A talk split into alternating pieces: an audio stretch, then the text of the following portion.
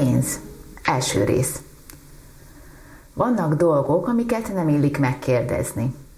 Nem, hogy udvariatlan, de egyenesen otromba. Például, hogy hány éves vagy, hány kiló, mikor szeretkeztél utoljára, akarsz egy gyereket. Ezek közül pedig talán a leginkább húsba vágó, hogy mennyi pénzt keresel, és mennyi a megtakarításod. A pénzről beszélni még mindig tabu.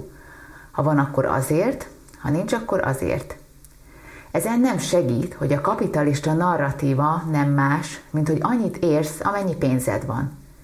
És ezt sokan el is hisszük. Célom, hogy egy kicsit jobban megértsük a saját viselkedésünket és a rendszer működését, mert akkor talán árnyalódik az a kép, hogy pontosan ki mennyit is ér. A téma feldolgozásához két könyvet hívok segítségül. A pénz pszichológiája és a dollár és értelem, hogyan gondolkodunk rosszul a pénzről, és hogyan költsünk okosabban. Ne izguljatok, nem lesz szó kamatlábról, bitcoinról, jelzáloghitelről és apró betűs részekről. Semmi hátborzongató. Ahogy a pénz pszichológiája könyvben is olvashatjuk, a pénzhez való hozzáállás nagyban függ attól, hogy milyen korszakban születtünk. Ugyanolyan társadalmi és gazdasági helyzetben lévő emberek teljesen mást gondolhatnak a pénzről, ha a második világháború után, a rendszerváltás idején, vagy 2019-ben a Covid előtt éltek. Nem beszélve arról, hogy családonként is eltérő lehet, hogy melyikünknek milyen tapasztalata van a pénzzel kapcsolatban.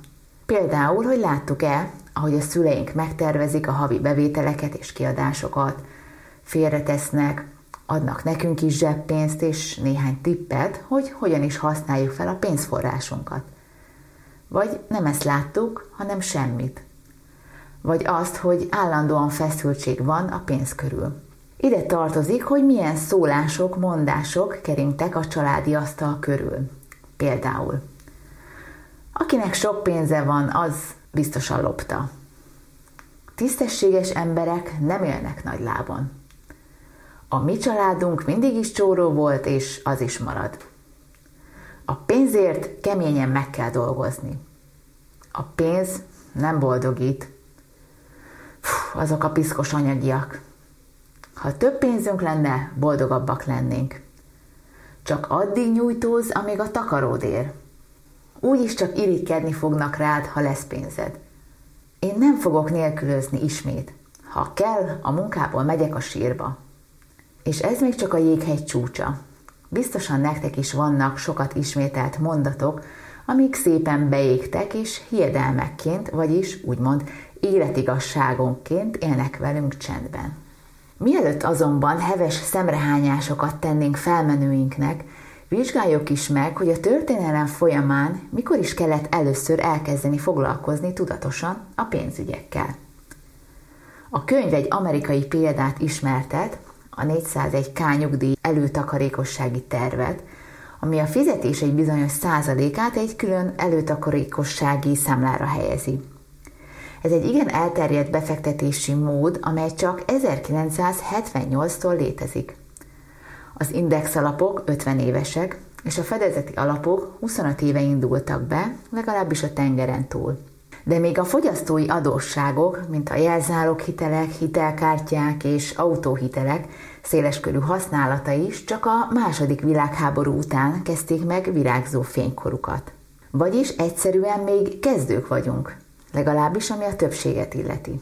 Ráadásul, ha még számtalan negatív érzelem is társul a pénzhez, mint a szégyen, harag és félelem, akkor még nehezebben tudjuk bontogatni a szárnyainkat. Nem beszélve arról, hogy nem csak magunkat ítéljük meg a keresetünk alapján, de embertársainkat is. Hányszor hallottuk már azokat az önértékelést romba döntő epés megjegyzéseket, hogy mindenki a maga sorsa kovácsa. Vagyis, ha nincs elég pénze, arról biztosan ő tehet, mert nem elég okos, nincs elég vér a pucájába, sőt, egyenesen egy semmire kellő. Félreértés ne essék. Természetesen nem azt mondom, hogy elég, ha csak a kanapén fetrengve vizualizáljuk a milliókat. Ám bár kétségtelen, hogy rengeteg tényező múlik, hogy kinek honnan kezdődik a startmező. A könyvben Bill Gates példáját említi. 1968-ban nagyjából 303 millió középiskolás korú ember élt a világon, az ENSZ adatai szerint. Közülük körülbelül 18 millióan az Egyesült Államokban éltek. Közülük körülbelül 270 ezeren Washington államban élt.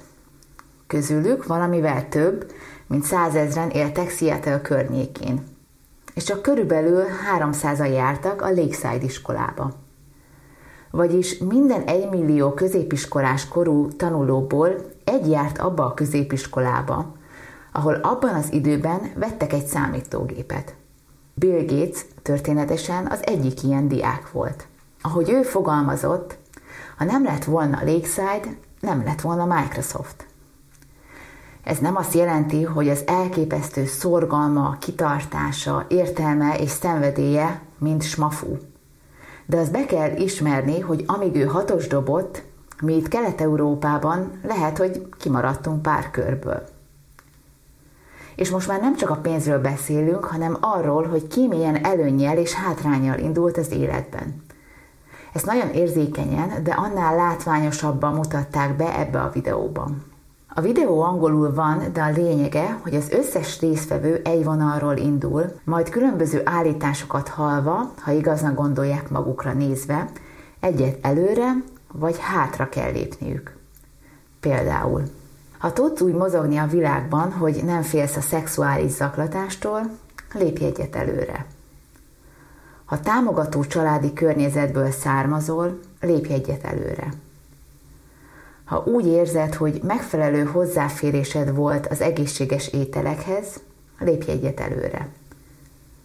Ha a szüleidnek este és hétvégén is dolgoznia kellett, hogy támogassák a családot, lépj egyet hátra. Ha gyerekkorodban szégyelted a ruháidat vagy az otthonodat, lépj egyet hátra. Ha valaha is diagnosztizáltak nálad fizikai vagy mentális betegséget, fogyatékosságot, lépj egyet hátra. Az, hogy honnan származunk, milyen családi és kulturális rendszerbe pottyantunk bele, arról nem mi tehetünk.